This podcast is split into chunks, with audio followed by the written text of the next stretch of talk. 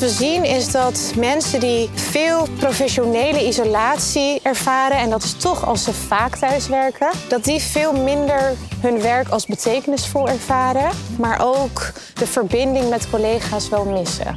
Welkom bij 1000 Stappen. 1000 stappen om je benen te strekken, even weg te gaan van je werkplek en een frisse neus te halen. Goed voor je lijf en voor je hoofd. Ik, organisatiefuturoloog Arjen Bannen, ga ook aan de wandel. En wil samen met iemand die ons iets kan leren over gezond werken. Thuis lekker doorwerken omdat je de hele dag niet gestoord wordt. Of juist knallen op kantoor omdat je met z'n allen bij elkaar zit. De meningen over thuiswerken die zijn best nog wel verdeeld. Maar één ding is duidelijk, door corona is er veel veranderd. Maar wat is nou wetenschappelijk gezien beter voor het welzijn van je medewerkers? Is dat thuiswerken, op kantoor of misschien wel het beste van beide werelden? Daarover ga ik in gesprek met Maral Daroui. Maral, allereerst welkom in de podcast. Leuk dat je meeloopt. Dankjewel. En uh, ja, voor onze luisteraars die eerste belangrijke vraag toch even. Wie is Maral? Dat is een hele goede vraag. Uh, Maral is een uh, assistant professor organisatiepsychologie aan de Vrije Universiteit Amsterdam. waar ik dus onderzoek doe aan, naar welzijn van werknemers. En ik ben vooral benieuwd naar het effect van het nieuwe werken, zoals bijvoorbeeld het hybride werken. Ja, want daar heb je onderzoek naar gedaan eh, op wetenschappelijke manier. Dus dat is wel heel interessant. Van wat zegt de wetenschap nou eigenlijk? Ja. Maar als ik goed begrijp, dat heb je ook gedaan voor corona, toch? Ja, ja, ja. ja. voor corona ben je daarmee begonnen. En toen in één keer bleek dat dat per ongeluk uh, een heel interessant thema te zijn. Ja, wel grappig dat je inderdaad zegt per ongeluk. Want zo ging het ook. Uh, ik was... Uh, 2016 ben ik begonnen met mijn PhD. En 2020, ehm, dus dat is tijdens de coronapandemie, moest ik promoveren. Dat was in juni. En opeens moesten we allemaal massaal thuis gaan werken. En toen kwamen mijn thuiswerkonderzoekstudies naar buiten. Ja. Dus dat was ja, een flinke surprise, zeg ja, maar. Precies. En wat was dan in 2016 de aanleiding om dit thema beter te pakken voor jou? Had je toen al bepaalde dingen die je zag of meekreeg waarvan je zegt... nou, dit, dit zou wel eens iets kunnen zijn?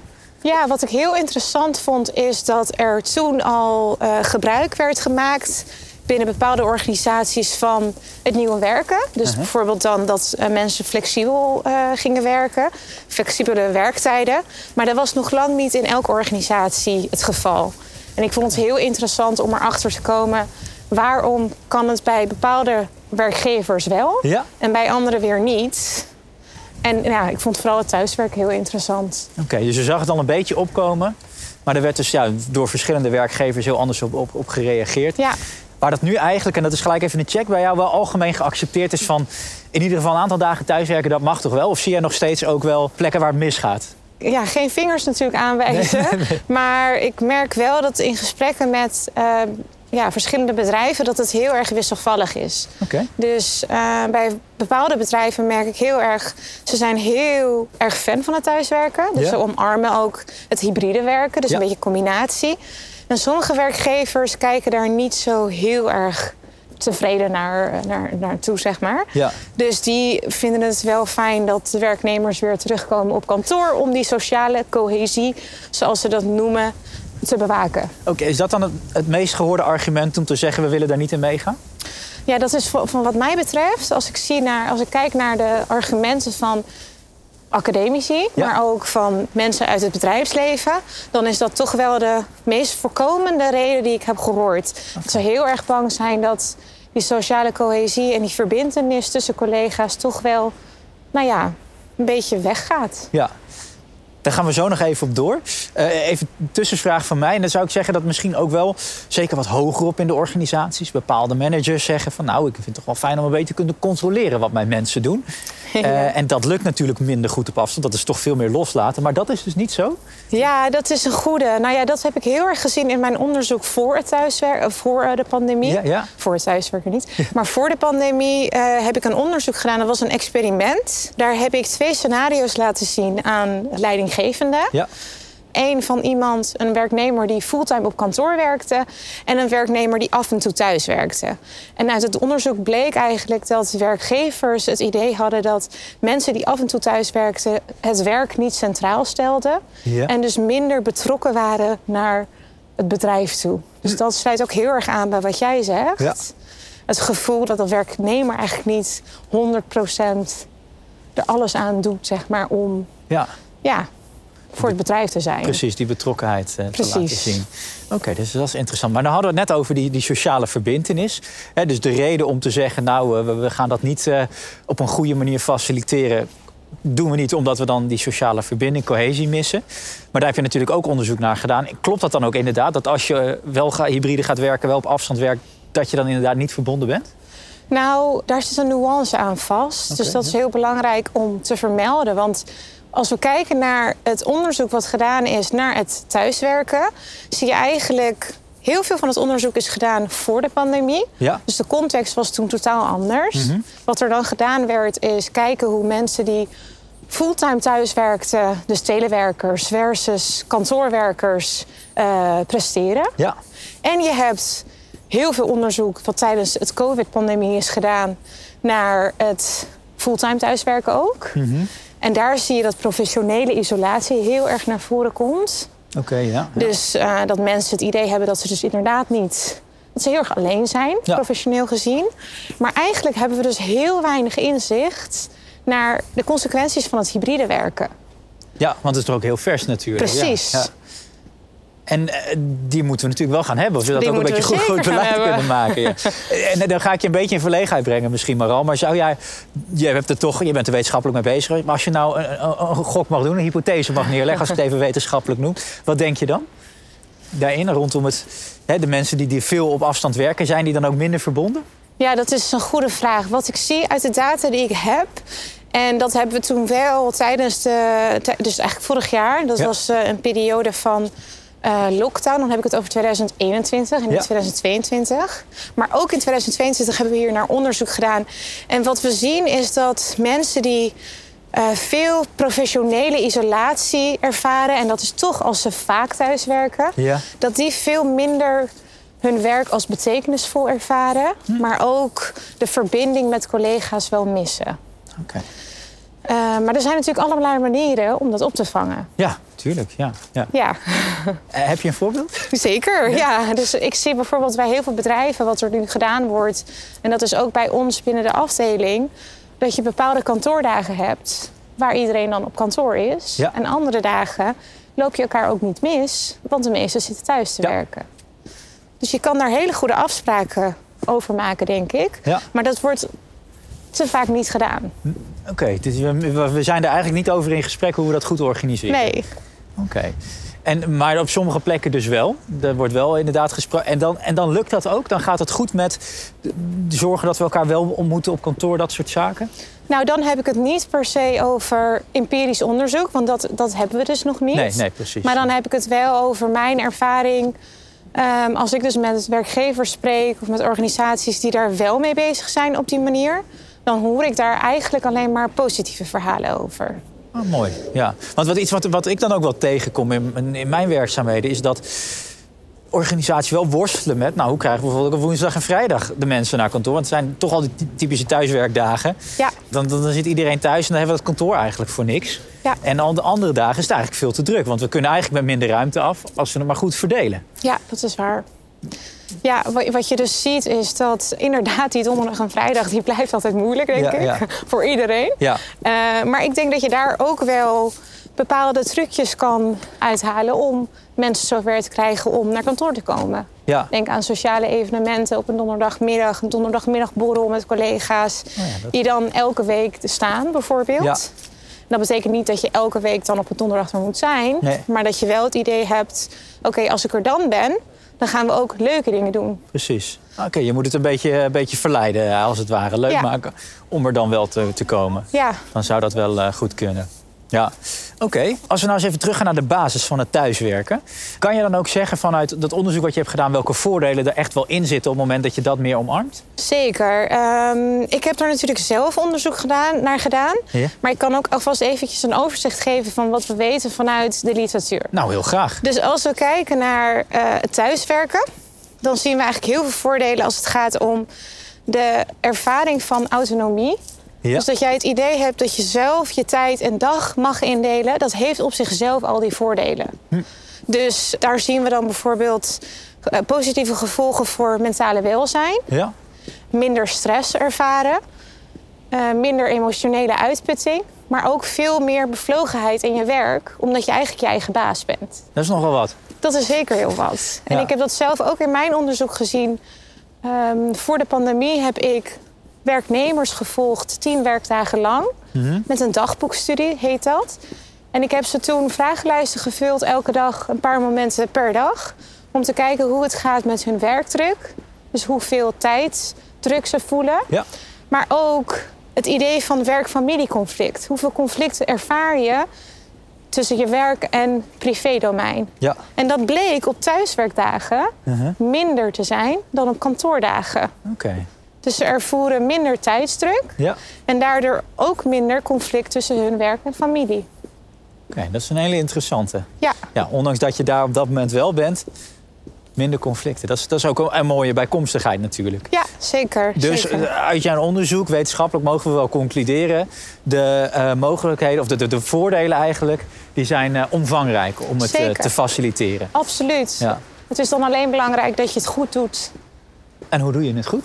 Nou, goed implementeren betekent eigenlijk afspraken maken met je werknemers, maar ook luisteren naar beide kanten wat er belangrijk en nodig is. Want ik zie het als een gedeelde verantwoordelijkheid. Ja, En ja, en dat is wat tot nu toe vaak, nou ja, fout, zo wil ik het niet noemen, maar dat, het, gaat, het gaat vaak daar niet zo heel goed mee. En dat, dat is ook iets wat, je- wat je natuurlijk veel hoort, is dat de mensen voelen toch een soort eh, mogelijkheden nu in, in, in het thuiswerken. Van nou, we hebben dat eigenlijk verplicht, hè, als we in ieder geval het over de kenniswerkers hebben, fulltime moeten doen. Dat is tot op een bepaalde hoogte best aardig gegaan. Ja. De winkel bleef open, Ja. de boel draaiende gehouden.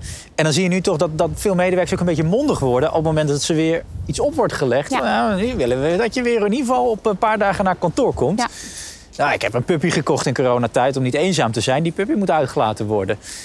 Hoe ga je daar nou mee om? Ja, ik denk dat dat heel erg kenmerkend is van de tijd daar waar we in leven. Dus ik denk dat die flexibilisering eigenlijk, want daar hebben we het over, Uh-huh. dat moeten we niet vergeten. Dat is gewoon, dat is wat er nu gaande is. Oké. Dus ik denk dat het vooral voor werkgevers belangrijk is om af te stappen van dingen moeten. Ja? Want we weten dat dat averechts kan werken. Mhm. En dat werknemers ook moeten begrijpen dat het niet alleen effecten heeft voor hunzelf. Ja. Want dat is dus ook wat we zien in onderzoek. En naar mijn mening moeten we daar dus eigenlijk van afstappen. Ja. Niet het thuiswerken zien als iets wat de werknemer alleen maar beïnvloedt. Maar als iets dat eigenlijk consequenties heeft voor de hele organisatie. Hmm. Dus ja. de teams waarin je werkt, je relatie met je leidinggevende, maar ook je relatie met je collega's. Ja.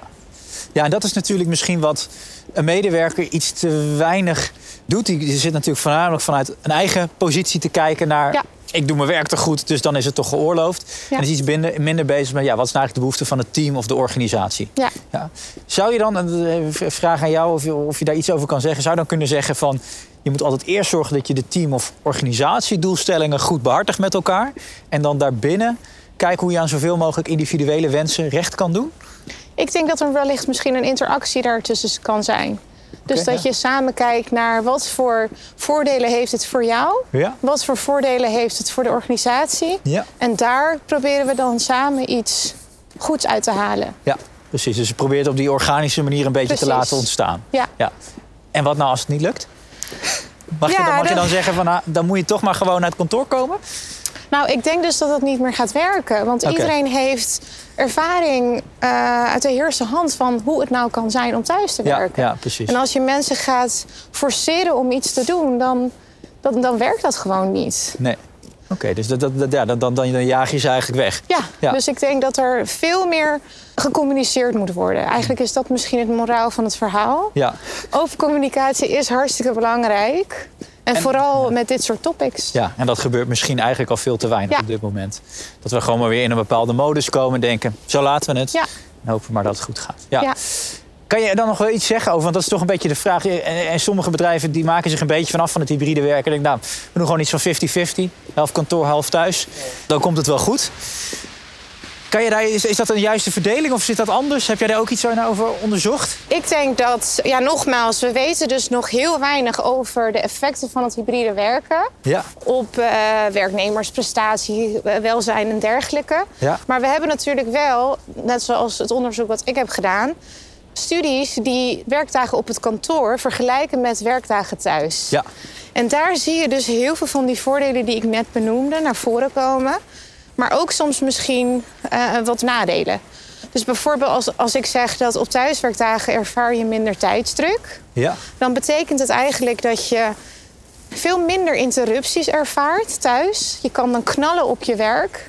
Je, je hebt niet het idee dat je alles een beetje snel moet afronden, maar je kan eigenlijk hyperfocus creëren. Thuis. Thuis, Ja, ja. ja. En op kantoor is het toch wel, wat we zien, is dat heel veel mensen die kantoordagen gebruiken om samen te komen met collega's, Ja. eh, meetings in te plannen. En dan ben je toch minder productief. Dus ik denk dat een 50-50 wel eigenlijk een soort van de toekomst is. Maar het moet natuurlijk wel voor iedereen werken. Ja. Ja, en, en daarvan kan je natuurlijk zeggen, het moet wel voor iedereen werken. Is dat mensen zichzelf nu iets aangeleerd hebben waarvan ze dan weer moeilijk afscheid kunnen nemen. Ja. Maar kan het ook inderdaad voor iedereen werken? Is het zo dat iedereen in die 50-50 mee zou kunnen komen in essentie volgens jou? Nou, we zien ook uit onderzoek dat eh, bepaalde personen, dus met bepaalde persoonlijkheidseigenschappen, Ja. veel beter zijn in ehm, het omgaan met autonomie. Ja. Ehm, precies, dus dan is het voor hen natuurlijk makkelijker om gedisciplineerd aan het werk te gaan. Mhm. Maar er zijn ook mensen die het juist heel moeilijk vinden om alleen dingen te doen. Ja. Dus voor hen zou het juist heel erg werken om toch wel vaker naar kantoor te gaan. Ja. En als je dat kan samen bespreken met je leidinggevende Ja. en met je team, dan denk ik dat het al heel veel eh goeds kan brengen. Ja, mooi. En welke rol denk je is hierin weggelegd voor een leidinggevende? Want die is toch een beetje ook toch een beetje de aanjager, of in ieder geval de coach zou je kunnen zeggen, van het goed vormgeven van een manier van werken. Die is om, om medewerkers te ondersteunen erin. Die heeft natuurlijk een hele belangrijke rol hierin. Heb je daar ook naar gekeken, hoe die dat goed kunnen doen?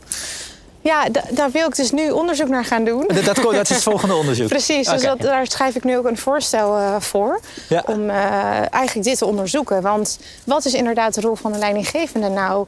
Iets wat, waar- waarvan ik bijvoorbeeld in de literatuur zie... dan heb je het over sociale steun vanuit de leidinggevende. Ja. Dat heeft natuurlijk heel veel voordelen op zichzelf. Ja. En ik denk ook, ook dat in nou ja, de context van het hybride werken... denk ik dat het heel belangrijk is vanuit de leidinggevende... om dus proactief te zijn in dit soort afspraken maken. Ja, En mensen te helpen in eh, bepaalde doelen te stellen. ja. Tuurlijk, ja. En, en, en dat je het onderzoek voorstel gaat maken... betekent natuurlijk ook al dat je hebt gezien dat die rol heel belangrijk is. Absoluut. Dat daar, eh, dat daar veel zit. Ja. Ja. Hoe kan je als team, eh, hè, want je zegt het goede gesprek eh, moeten we daarover voeren. Maar ik kan me heel goed voorstellen dat het voor veel teams nog lastig is van ja, hoe komt de toekomst eruit te zien. Heb jij al voorbeelden gezien in je onderzoek waarvan je zegt, hey, dit is een teamorganisatie, zonder per- se bij naam te noemen, waar je zegt, hey, die pakken dit op een goede manier aan. Die hebben, zijn hier, zoals je eerder ook al liet vallen, proactief mee bezig. Ja, ik zie dat zeker in voorbeelden van bestaande organisaties. Ja, Ehm, die dan bijvoorbeeld, eh, wat ik net ook al opnoemde, bepaalde dagen hebben waarvan, eh, waarop het team 100% zeker samenkomt. Ja, tenzij natuurlijk iemand eh, ziek is. Dat of, kan altijd natuurlijk, Dat kan ja. altijd Ja. zijn gebeuren. Maar die doen er alles aan om te bewaken dat dat soort teamdagen vaststaan. Ja. Dus dat je zeker weet, ja, deze teams houden contact met elkaar, ook in het echte leven. Ja, precies. Die, die, die, die bewerkstelligen dat makkelijker met Precies. elkaar. Ja. En dan kan het natuurlijk zijn dat, ehm, dat je als, als professional medewerker dit, dit denkt... ja, ik heb hier ook recht op. En, en je noemt net ook de voordelen op, die zijn omvangrijk. Maar dat, het, dat je toch tegen de muur oploopt en merkt... ja, het lukt niet echt. Vanuit bepaalde argumentatie moeten mensen toch weer verplicht... veel te veel naar kantoor komen. Hoe kan je dan toch een beetje voor jezelf opkomen en zeggen... van nou, ik wil toch meer thuiswerkdagen? Ja, dat is echt een hele goede vraag. En ik denk dat het dan heel belangrijk is dat je toch proactief het gesprek aangaat met je leidinggevende. Ja. Maar ook vooral laat zien waarom jij denkt dat het goed werkt. Ja. Dus niet iedereen doet het, dus ik wil het ook. Ja. Maar juist thuiswerken betekent voor mij dat ik dit en dit kan doen. Ik kan bijvoorbeeld mijn zoontje ophalen door, weet ik veel, even pauze te nemen tussen de middag. Ehm, en ik kan in de avond, ehm, in de middag nog eventjes sporten. Maar ik, daardoor ben ik veel productiever dan op een kantoordag. Ja. Stel dat werkt voor jou, Uh-huh. dan kan je dat best aankaarten. En dan natuurlijk hopen dat een leidinggevende daar ook de voordelen in ziet. Ja, ja logisch, logisch. We gaan langzaam richting het einde, Maral. Ehm, ik, ik ben nog wel benieuwd, eh, hè, als we toch kijken naar de onderzoeken. Je bent al voor corona, dat we daar allemaal mee bezig waren. Was jij er al mee bezig?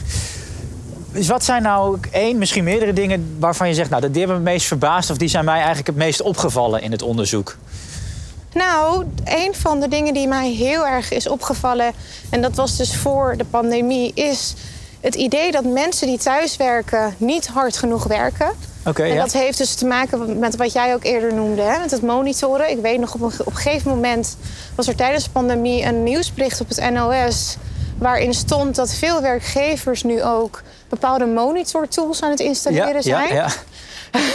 Om te kunnen tracken, nou, hoeveel typt nou men of Ja. uh, wanneer loggen ze in. Dat vind ik heel chockerend, want dat is echt micromanaging. En dat is ook niet, naar mijn idee, niet de toekomst. Nee. Uh, we gaan veel meer naar een prestatiegeoriënteerde uh, wereld toe. Ja. En als jij het goed doet, dan, dan moet dat gewoon oké zijn. Ja. Dus dat is iets wat me heel erg is opgevallen. Um, en natuurlijk dat we nu steeds meer het hybride werken omarmen. Dat had ik een paar jaar geleden niet durven Nee. te geloven. Nee, daar hebben we natuurlijk even een klein beetje een duwtje in de rug gekregen... om te zorgen dat dat ook inderdaad daadwerkelijk zo zou gebeuren. Ja. Maar uh, ja... Hey, en als we nou kijken naar die toekomst, hè? jij gaat natuurlijk verder onderzoek doen. Je hebt een nieuw voorstel gemaakt. We gaan er met z'n allen even vanuit dat het wordt goedgekeurd. even een blik in de toekomst, tien jaar. Wat, wat verwacht jij dan? Hoe zijn we dan met elkaar aan het werk? Ik denk dat we veel meer hybride gaan werken. Ja. Um, ik denk dat het wel heel belangrijk is om uh, kantoordagen te plannen. Om samen te komen met de collega's. Ja. Maar ik denk dat dit eigenlijk wel een beetje de realiteit is van de toekomst. It's here to stay. Ja, Ja, absoluut. mooi. Mag ik je hartelijk danken voor je inspiratie, Maral. Dankjewel. Ik vond het een heel leuk gesprek. Dat waren de duizend stappen met Maral Daroui. En hopelijk heb je nu een beter beeld van hoe het hybride werken eruit komt te zien. Wat de voordelen ervan zijn en vooral dit keer niet alleen praktisch, maar ook wetenschappelijk onderbouwd. Heb je met ons meegelopen? Complimenten. En wil je nou nog meer inspiratie? Ga dan naar zk.nl/zakelijk.